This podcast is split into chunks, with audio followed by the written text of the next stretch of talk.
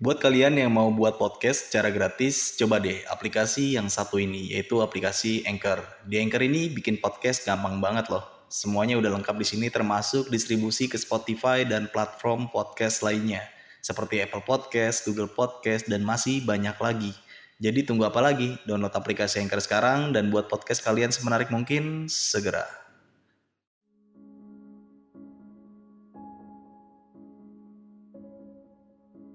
Nah, kalau boleh tahu lu pengen menceritakan tentang pengalaman pendakian di gunung mana sih? Gua mau menceritakan tentang pendakian gua ke waktu ke waktu gua ke Gunung Rinjani, Bang. Di Gunung Rinjani gua itu lintas kan, Sembalun Beaterean.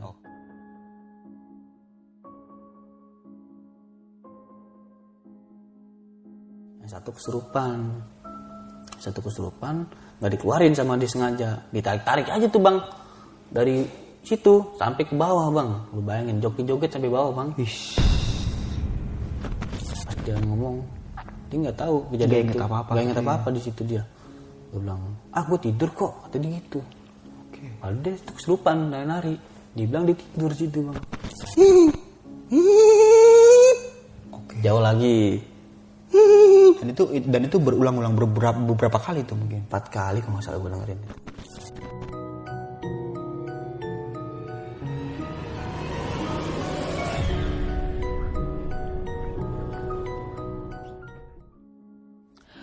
Assalamualaikum warahmatullahi wabarakatuh. Balik lagi di besok pagi. Kali ini bareng gue Bang Mange. Pria gemoy tanpa bahan pengawet. Sebelumnya gue sangat berterima kasih banyak buat teman-teman semua yang udah mensupport, menonton dan mendengarkan besok pagi hingga sampai saat ini.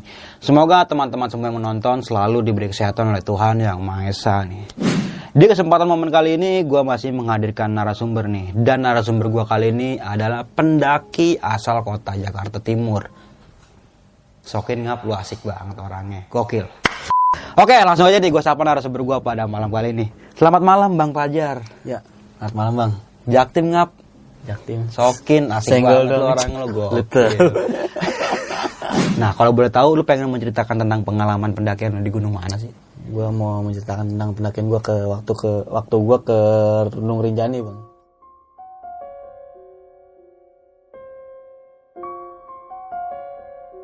Lu simak video ini sampai habis teman-teman semua karena Bang Fajar ini akan menceritakan sebab dan akibat kenapa dia dan temannya ini bisa diteror oleh makhluk yang tak kasat mata seperti itu. Jangan lupa di subscribe, like, comment, and share. Jangan lupa juga nyalakan loncengnya agar teman-teman semua nggak ketinggalan video terbaru dari besok pagi. Dan bagi teman-teman semua yang pengen menjadi narasumber nih kayak Bang Fajar kayak gini, lu bisa langsung isi di form yang udah disediain di kolom deskripsi ataupun lu bisa langsung DM ke Instagram besokpagi.idv atau DM Instagram gue langsung pribadi. Mau nggak mau, suka nggak suka bahwa hal gaib itu ada di sekitar kita. Tanpa berlama-lama lagi, langsung aja kita masuk ke ceritanya.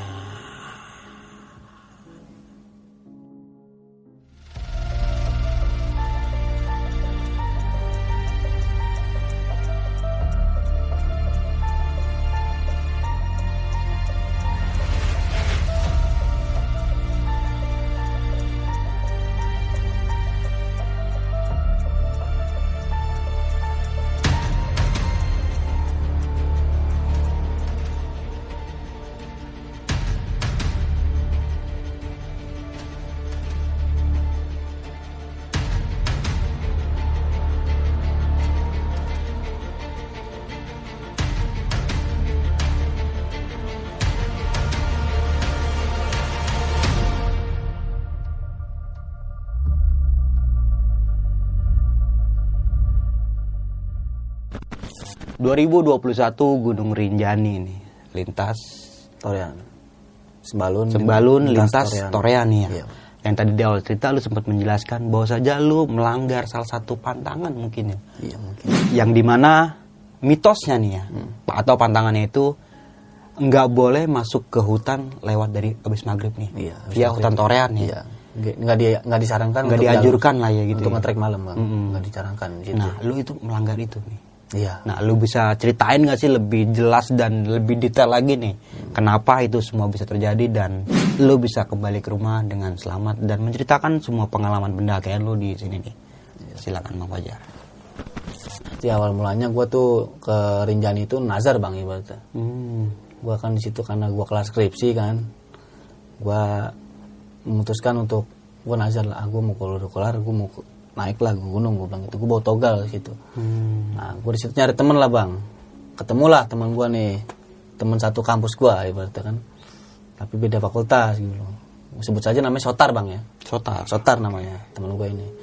Nah, beliau kebetulan anak teknik industri ini beda fakultas sama gue lah. Gue ajak lah mereka. Aduh, Eh, gue ajak dia berdua tuh naik kan ke Rinjani. Gue bilang, bang ada waktu nggak?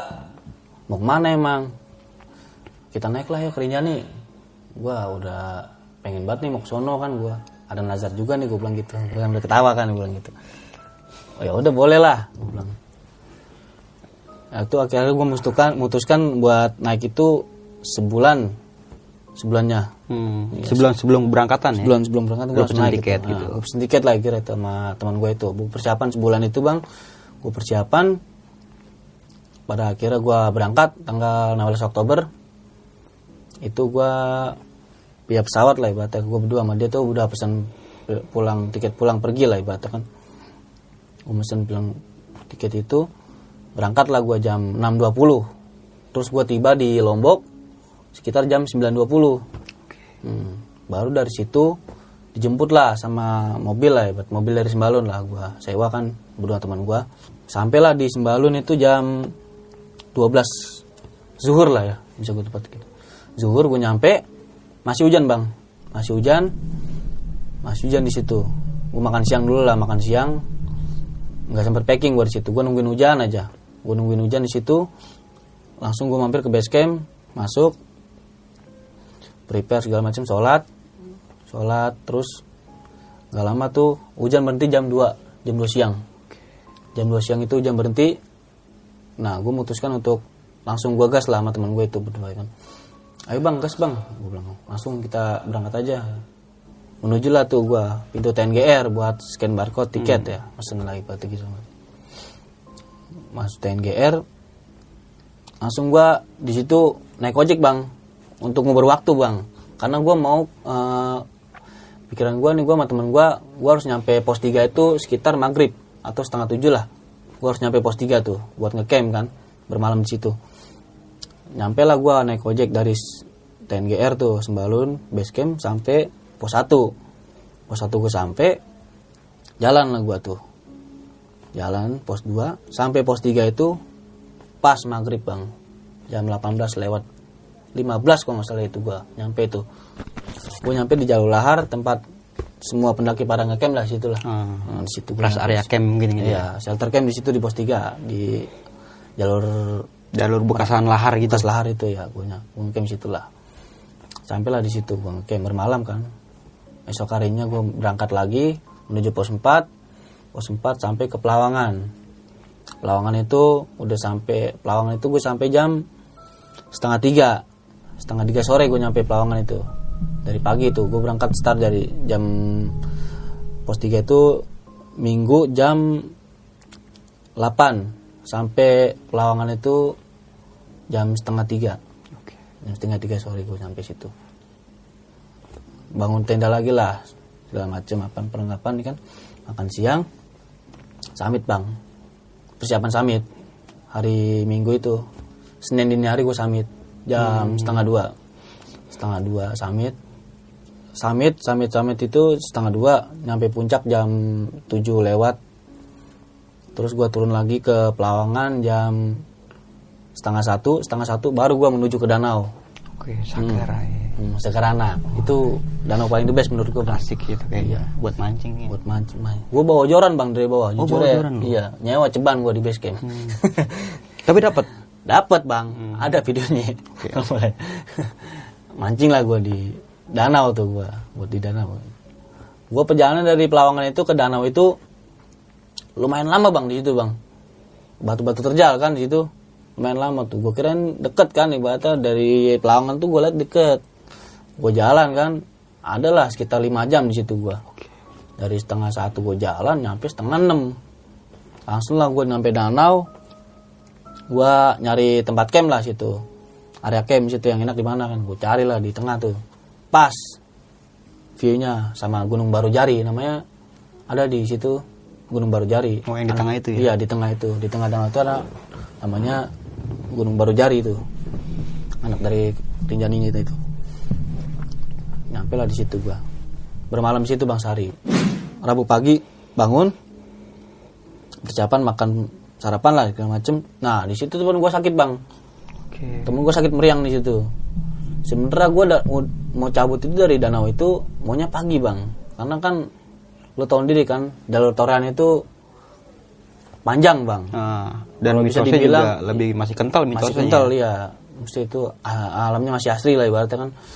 Nah di situ orang pada bilang itu kalau mau ketemu sampai pintorean bawah itu sore, lu harus jalan itu pagi jam setengah 8 atau jam 8 jam 8 pagi nanti ketemu tuh di bawah udah jam 5 atau setengah 6 Bel- belum ketemu gelap ya. belum ketemu gelap kalau mau nah di situ kan orang pada gegabah lah ibaratnya kan.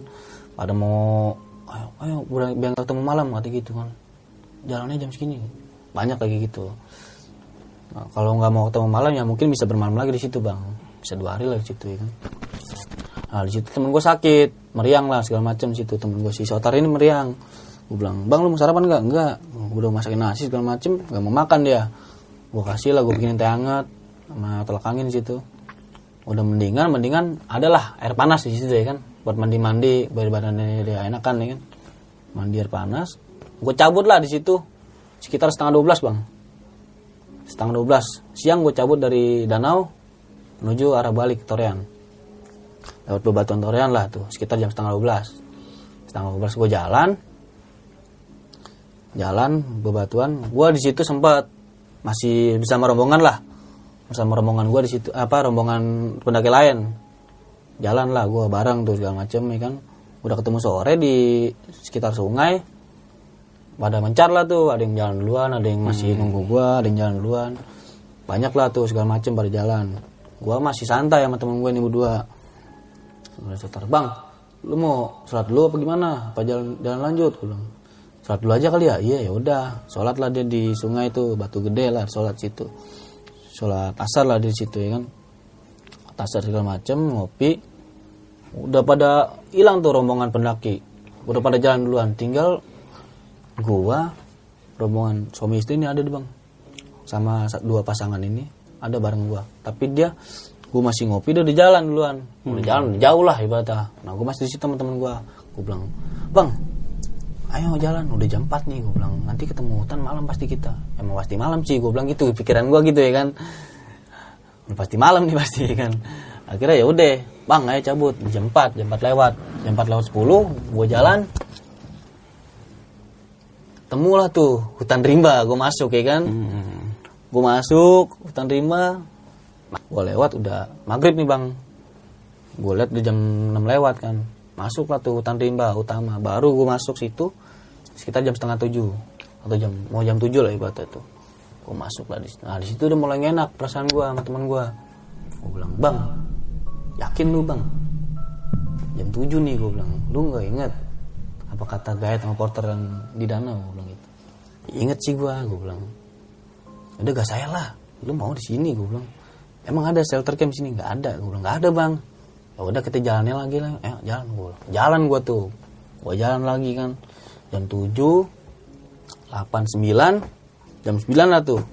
Nah gue di sepanjang perjalanan itu menuju ke jam 9 itu kan nah gue di situ sempet banyak gangguan di situ bang. Entah itu suara-suara Hmm. maupun gerakan-gerakan dari belakang lah ibaratnya kan. Gue di situ sempat digangguin ada kayak semacam suara ketawa bang. Suara ketawa itu gue dengerin tuh pas sekitar jam 8an lah jam 8 lewat ya jam 9 gue denger suara ketawa tuh. Temen gue denger juga cuman temen gue ngalihin bang di situ. Temen gue ngalihin kalau itu suara binatang gue bilang. Itu bukan bang gue tahu suara binatang. Gue tahu tuh suara musang pasti suara kayak gue bilang kan mbak kuntil ibaratnya gitu. Gue tahu tuh suara. Teman suara itu suara ketawa itu deket deket ke gua jauh. Deket lagi jauh lagi. Hampir empat kali bang gue denger itu. Temen gue bilang binatang binatang binatang. Gue nggak percaya gue di situ. Gua bilang lu bener bang binatang. Gue bilang gue merinding situ tuh. Teman gue sebenarnya takut juga bang cuman dia ngalihin ke arah binatang suara binatang situ lah. Akhirnya gue lanjut jalan lah gue lanjut jalan nih kan situ. Ketemu lah tuh jam 9 malam bang di situ di tengah-tengah hutan rimba itu gak tahu di, Di tengah-tengah hutan Torean ya. hmm, hutan toren tuh. Jam 9 itu di situ posisi hutan rimba itu udah ketutup bang ya. Iya. cahaya bulan gak ada yang masuk di situ bang. Udah udah gak ada yang masuk cahaya bulan situ.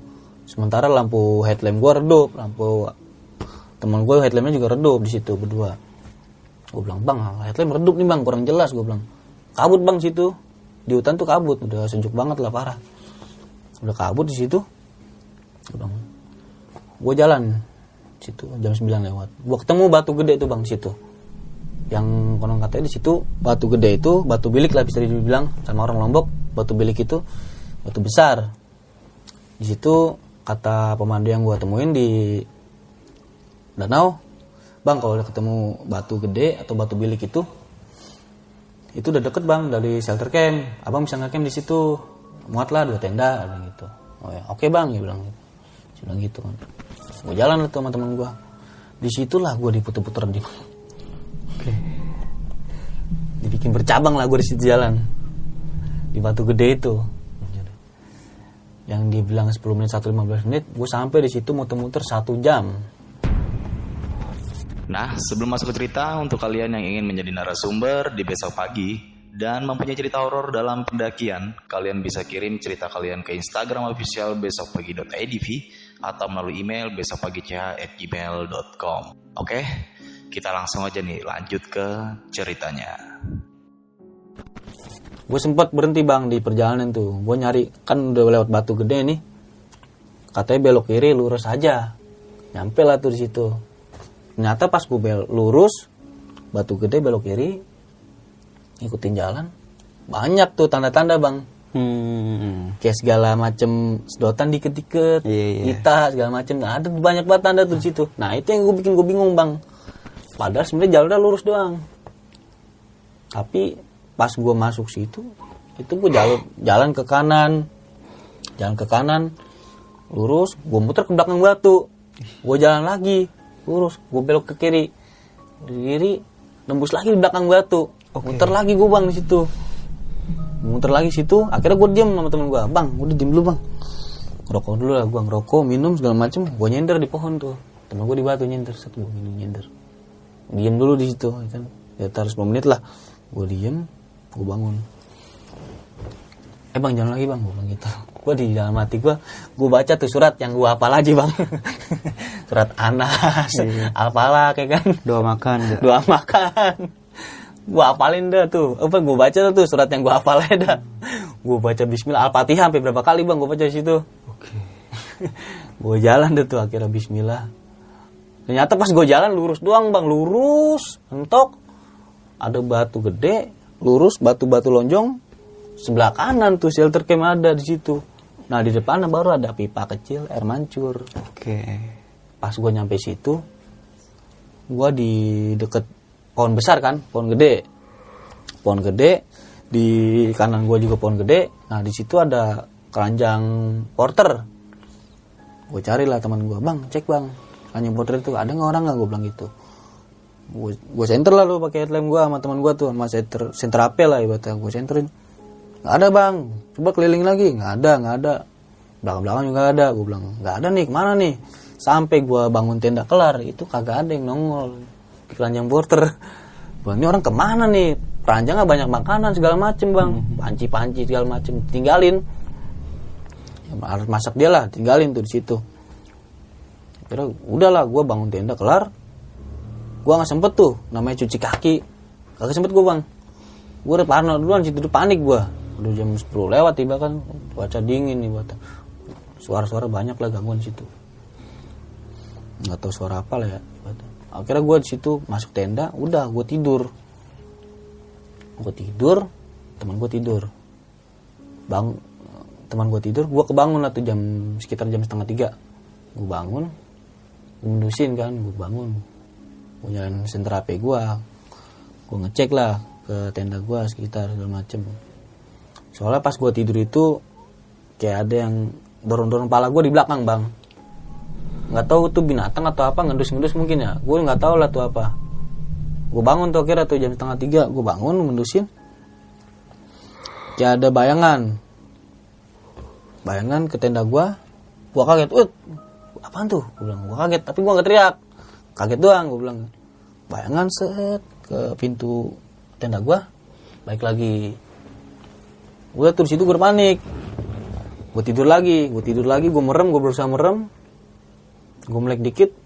Nah itu tenda eh apa bayangan ada lagi di, di, di depan muka gue set. Ke depan gitu. Baik lagi. Gue bilang wah apa nih? Gue bilang. Gue takut gue tuh. Pas gue mau tidur lagi merem. Gak lama ada yang goyang tenda gue goyang tenda gue gitu. Kayak iseng. Gue gak tahu tuh iseng apa bang dari binatang. Oh binatang gak mungkin sih. Iya. iseng kayak sampai goyangin tenda bener-bener goyang bang. Goyang gitulah. Kayak ketiban apa segala macam itu udah akhirnya gue tidur tuh. Gue kerukupin. Apa muka gue pakai sarung sleeping bag tuh gue kerukupin udah. Gue mau buru-buru pagi di situ bang gue bilang gitu. Sampai akhirnya di situ ketemu lah pagi alhamdulillah gue bilang bang udah pagi bang gue bilang ayo bangun. Gue bangunnya sekitar jam setengah tujuh. Gue beres lah tuh gue beres. Beres sarapan segala macam ngopi. Cabut lah dari tempat gue camp menuju ke pintu torean sekitar pula gitu jalan itu jam setengah 8 sampai bawah itu jam 11 pintu torean sekitar jam 11 terus gue jalan lagi ke base camp sekitar 45 menit lah setengah jam lebih. Ke base camp jalan. Cuci-cuci segala macam lah bang. Cuci-cuci segala macam cuci muka ganti baju. Eh nggak sempet ganti baju sih gue tuh cuci muka aja gue cuci muka cuci ke sendal segala macam tuh. Gue langsung naik pick up tuh. Bareng sama rombongan. Ada gue ketemu rombongan rombongan pondok bambu bang. Hmm. mereka naik berlima di situ. Nah, gue naik lah tuh. Pick up dia kurang dua orang. Pas gue naik situ. Gue naik jalan lah tuh ke pintu keluar. Gue bilang cerita cerita lah gue sama beliau tuh di situ ya kan? Sama beliau cerita cerita gue di situ. Gue bilang bang lu malam gue tanya sama dia dulu bang lu kemarin nyam- nyampe jam, jam berapa di sini base camp? Gue bilang alhamdulillah bang gue nyampe setengah enam sore dia nyampe di Torian di, di base camp Torian. Jam setengah enam sore gue bilang. Terus dia nanya lagi balik sama gue gue bilang lu emang jalan jam berapa bang dari danau gue bilang gue setengah dua belas. Lalu nyampe malam dong? Iya gue nyampe malam bang di situ di di hutan rimba gue malam. Gue bilang wah berani lu kata dia gitu. Temen ya si ini apa yang gue temuin ini si anak-anak bambu ini bilang gue berani lu gue bilang. Ya mau gimana lagi bang? Gue berdua doang gue bilang gitu. Mau nggak mau ya gue harus jalan bang gue bilang gitu terus bilang lu lu ngecamp di mana pas di hutan rimba dia bilang gitu. Gua ngecamp di ini bang air mancur. Yang ada lapak gede tuh muat dua tenda gue bilang gitu. Oh lu ngecamp di situ? Lah berani lu situ ya. Dibilang sama gue begitu Gua bilang lah emang kenapa bang gue bilang. Lah kan di situ banyak bang gangguan. Gue bilang kata kata ini yang bawa gua nih si porter ini. Kan ada orang pondok bambu ada porter yang bawa tuh. Ya, mereka cerita ah, apa, si pemandunya ini cerita sama orang pondok bambu ini yang bawa dia bahwa dulu pernah kejadian di situ eh, si porternya orang pondok bambu ini sebut saya si Bowo namanya nih yang bawa bawa ini dia sempat bawa pendaki yang lain itu cewek berempat eh cowok berempat cewek satu. Nah si ceweknya itu kesurupan di situ bang. Oke, di area yang tempat di lu camp area gitu tempat ya. buang camp tuh dia kesurupan dia dengar suara gemelan dia langsung narik bang. Joget-joget segala macam tuh. Nari. Nah itu nggak dikeluarin bang di situ katanya dia. Ya tuh porter cerita sama apa namanya bawa ini dia bilang dia pernah bang katanya bawa pendaki yang satu kesurupan. Satu kesurupan nggak dikeluarin sama dia sengaja. Ditarik tarik aja tuh bang dari situ sampai ke bawah bang. Lu bayangin joget joget sampai bawah bang. Ish. Joget-joget sampai bawah tuh. Akhirnya pas sampai bawah katanya si porter ini sampai kan base camp itu turunan gini ya. Sampai turunan jatuh. Chase cewek itu jatuh yang kesurupan udah digotong diminumin air segala macam lah sama orang-orang lombok situ. Orang lombok situ yang punya base camp didoain lah ya, macam sembuh akhirnya. Fit lagi tuh ibaratnya. Bangun lagi bangun diceritain nggak tahu apa-apaan bang. Pas dia ngomong dia nggak tahu kejadian Nggak inget itu. apa-apa. Nggak inget gitu ya. apa-apa di situ dia. Dia bilang ah gue tidur kok. Kata dia gitu. Oke. lalu dia tuh kesurupan nari-nari dia bilang dia tidur situ bang. Dia cerita sama gue di situ. Akhirnya oh di situ serem bang gue bilang gitu. Iya. Ya beruntung lu. Emang lu digangguin apa di situ? Kata si bawa nanya ke gue ya kan. Gue bilang gue di situ cuma digangguin suara-suara aja sih bang sama bayangan hitam gue bilang gitu. Gue sempet ya dengan bayangan hitam dua kali tuh pas gue kebangun jam setengah tiga pagi gue bilang gitu. Oh digangguin juga situ iya. Ya untungnya lu nggak parah nggak sampai kesurupan kayak yang diceritain motor gua gua bilang gitu. Alhamdulillah lu bang gua masih selamat lu sampai sini bilang nggak ketemu kejadian apa apa gua bilang iya bang gua bilang gitu. Nah, ya mungkin itu aja sih ceritanya bang. Ya kisah horor gua yang gua jalanin dari Sembalun lintas Torean dan gua turun Torean gua ke, ngalamin kejadian itu di hutan rimba itu Dan masih membekas banget mungkin nih sampai masih saat ini. bekas hmm. Tapi ada keinginan lagi nggak nih buat naik ke Rinjani lagi? Gua keinginan gua sih kalau ke Rinjani gua cuma mau ke danau aja bang. Oke. Mancing aja bang situ. Danau Cipondo. Bukan. Bukan. Ada dasar segar anak ya. Iya, gua mau mancing situ. Oke nih thank you banget ya lu udah mau berbagi pengalaman pendakian lu di Gunung Rinjani nih pada tahun 2001. Iya, Bang. Kita masuk ke sesi tanya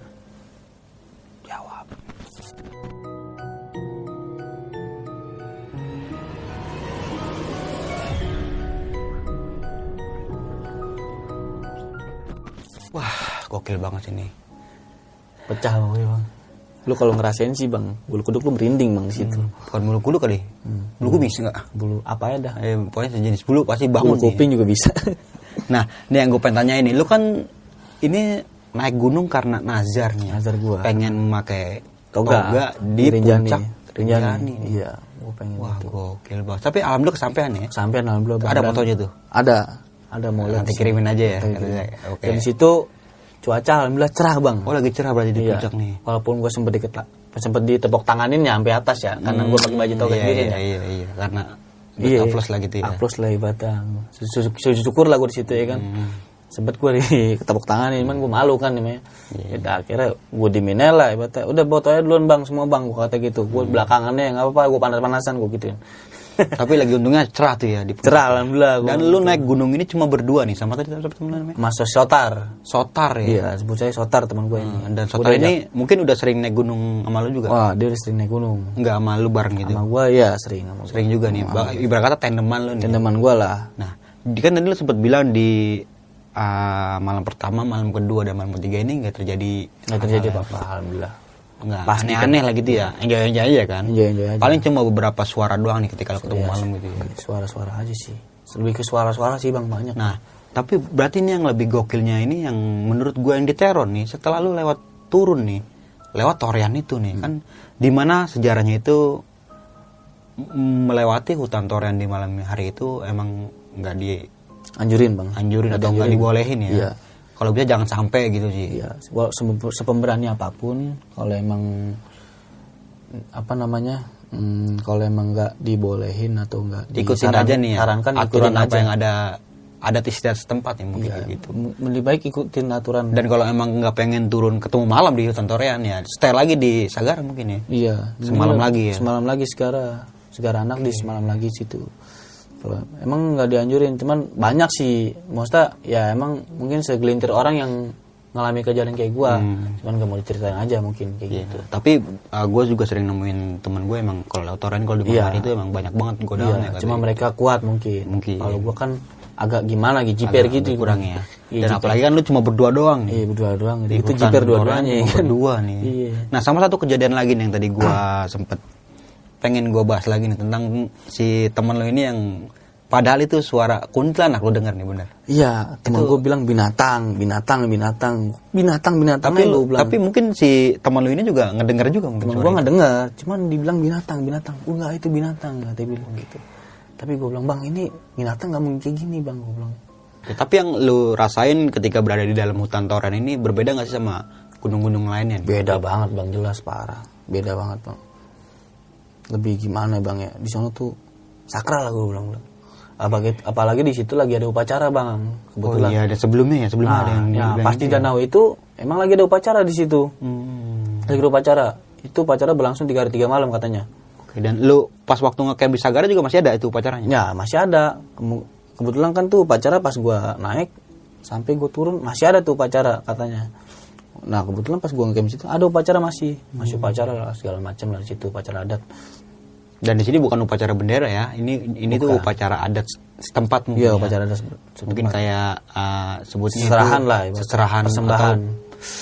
ucapan terima kasih sama puji syukur lah buat hutan dan gunung gitu iya. mungkin ya. Terima kasih buat alam mungkin Iya, terima kasih buat alam gitu ya. karena berdampingan alam dengan manusia kan Bang. Benar banget sih nih. Kita tetap ambil sisi positif aja nih ya. Bukannya kita mau percaya sama hal-hal kayak gitu nih. Cuma ya emang udah keturunan dari adat setempat ya. Kita ikutin aja ya. kan? iya Nah, sama satu lagi nih, ketika lu turun di malam hari di Tantoran itu, lu sempet tersasar nih. terus sempet bang Oke, dan itu durasinya sejam lebih bang hampir sejam lebih? sejam lebih sejam Nah, lewat tadi kan sebelum lu turun dari dari Danau Sagara itu ada salah satu porter yang bilangin ke lu ya, dari batu itu tuh nggak jauh tempat Nggak camp jauh itu. dari batu itu sekitar 10 sampai 15 menit katanya gitu Oke, dan lu ngelakuin itu hampir sejam lebih. hampir sejam lebih bang diputer-puter ya di situ Padahal patokannya udah jelas kan? Udah jelas. Ketika lewatin batu ke kiri tinggal lurus aja. iya lurus aja lurus aja bang lurus ngikutin jalan apa kata Eh, ngikutin jalan yang ada ya gitu. yang ada cuman gua ke mana-mana di situ. Cuma lu berbalik ke, ke balik belakang batu lagi. balik lagi ke belakang batu lagi. Gue bilang ini batu gede lagi gue batu gede lagi batu gede lagi. Gue bilang gitu. Dan itu beberapa kali mungkin. ya dua kalian lah gue di situ. Gue sempet nyerah lah gue gue diem dulu situ bang. Duduk tiduran lah bata baru gue jalan lagi. Pas gue jalan lagi lah kok itu jalan? Lempeng lurus ma- lurus bentar doang nyampe sebelah kanan gue Oke, dan Satu depannya itu gede. kucuran air ya. kucuran air depannya kucuran air nah di samping gua pohon gede ada dua pohon gede di situ Dan lu buka nenda di situ lagi buka tenda di situ teman-teman gua iya baru teman gua buka tenda Nah, di sini nih yang menurut gua yang menurut gua mungkin lu diteror di tenda dalam tenda ini ya. Iya. Yang tadi lu sempat bilang lu sempat ngeliat bayangan orang nih di depan tenda lu. bayangan orang nih. Yang jelas bukan bayangan gua ya kalau bayangan gua gua tahu lah gerak-gerak gua Iya, iya benar. nah itu gua pas gua bangun ter mundur lagi bang Oke. bayangan Dan pada saat di dalam itu lu da- lagi mengenakan headlamp mungkin ya. Enggak melihat sih, gue cuma pakai lampu ini. Lampu Senter. tenda ya? Center, Lampu tenda center. apa gimana? Lampu center. Gua lampu nggak bawa center. lampu Center lampu center aja. Otomatis kalau emang misalnya lu nyorot ke depan, nggak mungkin dong itu bayangan. Nggak mungkin bayangan gue bang. Gue tahu bayangan gue pasti gerak lah. Gerak ini, kayak gini. Wah ini kan bayangan. Tapi doang. bayangan ini berbentuk orang apa gimana? Ma- Manusia kah gitu Ya, apa bentuk ini gitu? bang, gondrong lah ibaratnya. Gondrong, agak gede, nutupin ada seret, mundur lagi ke belakang. Dan itu kedua dua kali Dua kejadian kali ini. lah situ. Gua nggak tahu itu apa ya. Pokoknya gua nggak tahu apa. Gua positif thinking. Wah ini apaan gua bilang. Dalam hati gua. Gua astagfirullahaladzim gua bilang gitu. Gua tidur lagi bang. Gua coba tidur di situ ya kan. Gua tidur. Gua melekin mata. Wah ada lagi tuh bayangan. Masuk lagi bayangan. Kaget gua. Gua langsung tutupin tuh muka gua pakai sarung sleeping bag. Iya, iya. Gua tutupin sleeping bag. Mau buru-buru pagi gua di situ. Dan akhirnya lu eh, bekas keesokan paginya langsung turun berarti ya? Iya. Nggak pakai lama-lama lagi lah udah langsung lama-lama, turun aja udah nih bang. gitu. Sarapan segala macam, packing, ngopi segala macam tidur. Dan turun lagi nih. Turun lagi, Dan lu sampai ke base camp dengan selamat ya, dengan berdua orang temen lu ya. Iya. Nah, di base camp ini kan lu sempat menceritakan semua pengalaman lu sama temen Iya, lu mungkin. sama ini sama si Sotar ini gue bilang bang lu ngerasa gak sih di pas di ini tenda gue bilang teman gue gak merasa apa-apa gue bilang Oke. karena gue yang merasakan doang gue enggak enggak gue ngerasa apa-apaan emang lu gak bangun pas tenda digoyang-goyangin gue bilang gitu Oke.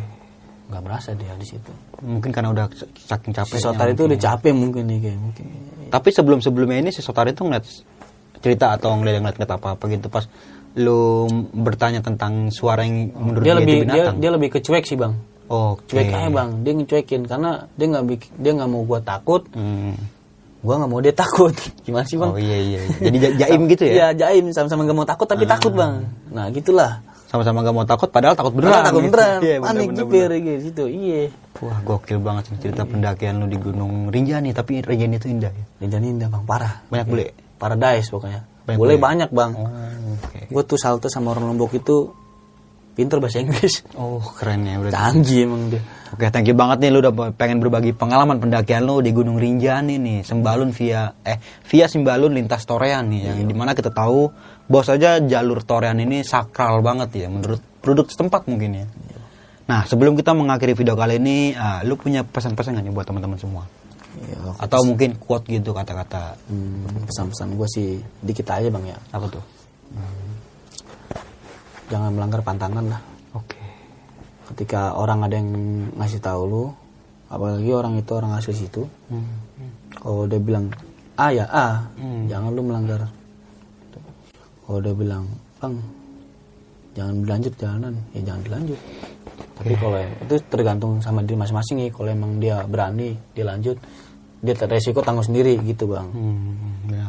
bagi yang gak mau nanggung resiko ya ikutin lah apa kata-kata orang yang ngasih tahu lu gitu Dan di sini gue mau menekankan kembali nih, bukannya kita mau percaya akan hal-hal kayak gitu ya. Iya, Bang. Cuma kan namanya adat istiadat itu udah terbentuk dari ya mungkin dari zaman dulu sebelum kita ada ya kan. Iya, benar. Ya kita ikutin aja, kita ikutin adat istiadat mereka. Bukan berarti kita percaya sama mereka gitu kan. Hmm, iya. Yang penting tetap ambil sisi positifnya nih Iya. dan buang jauh buruknya. Hmm, Oke, thank you banget nih ya lu udah pengen berbagi Iya. pengalaman pendakian lagi di sini nih.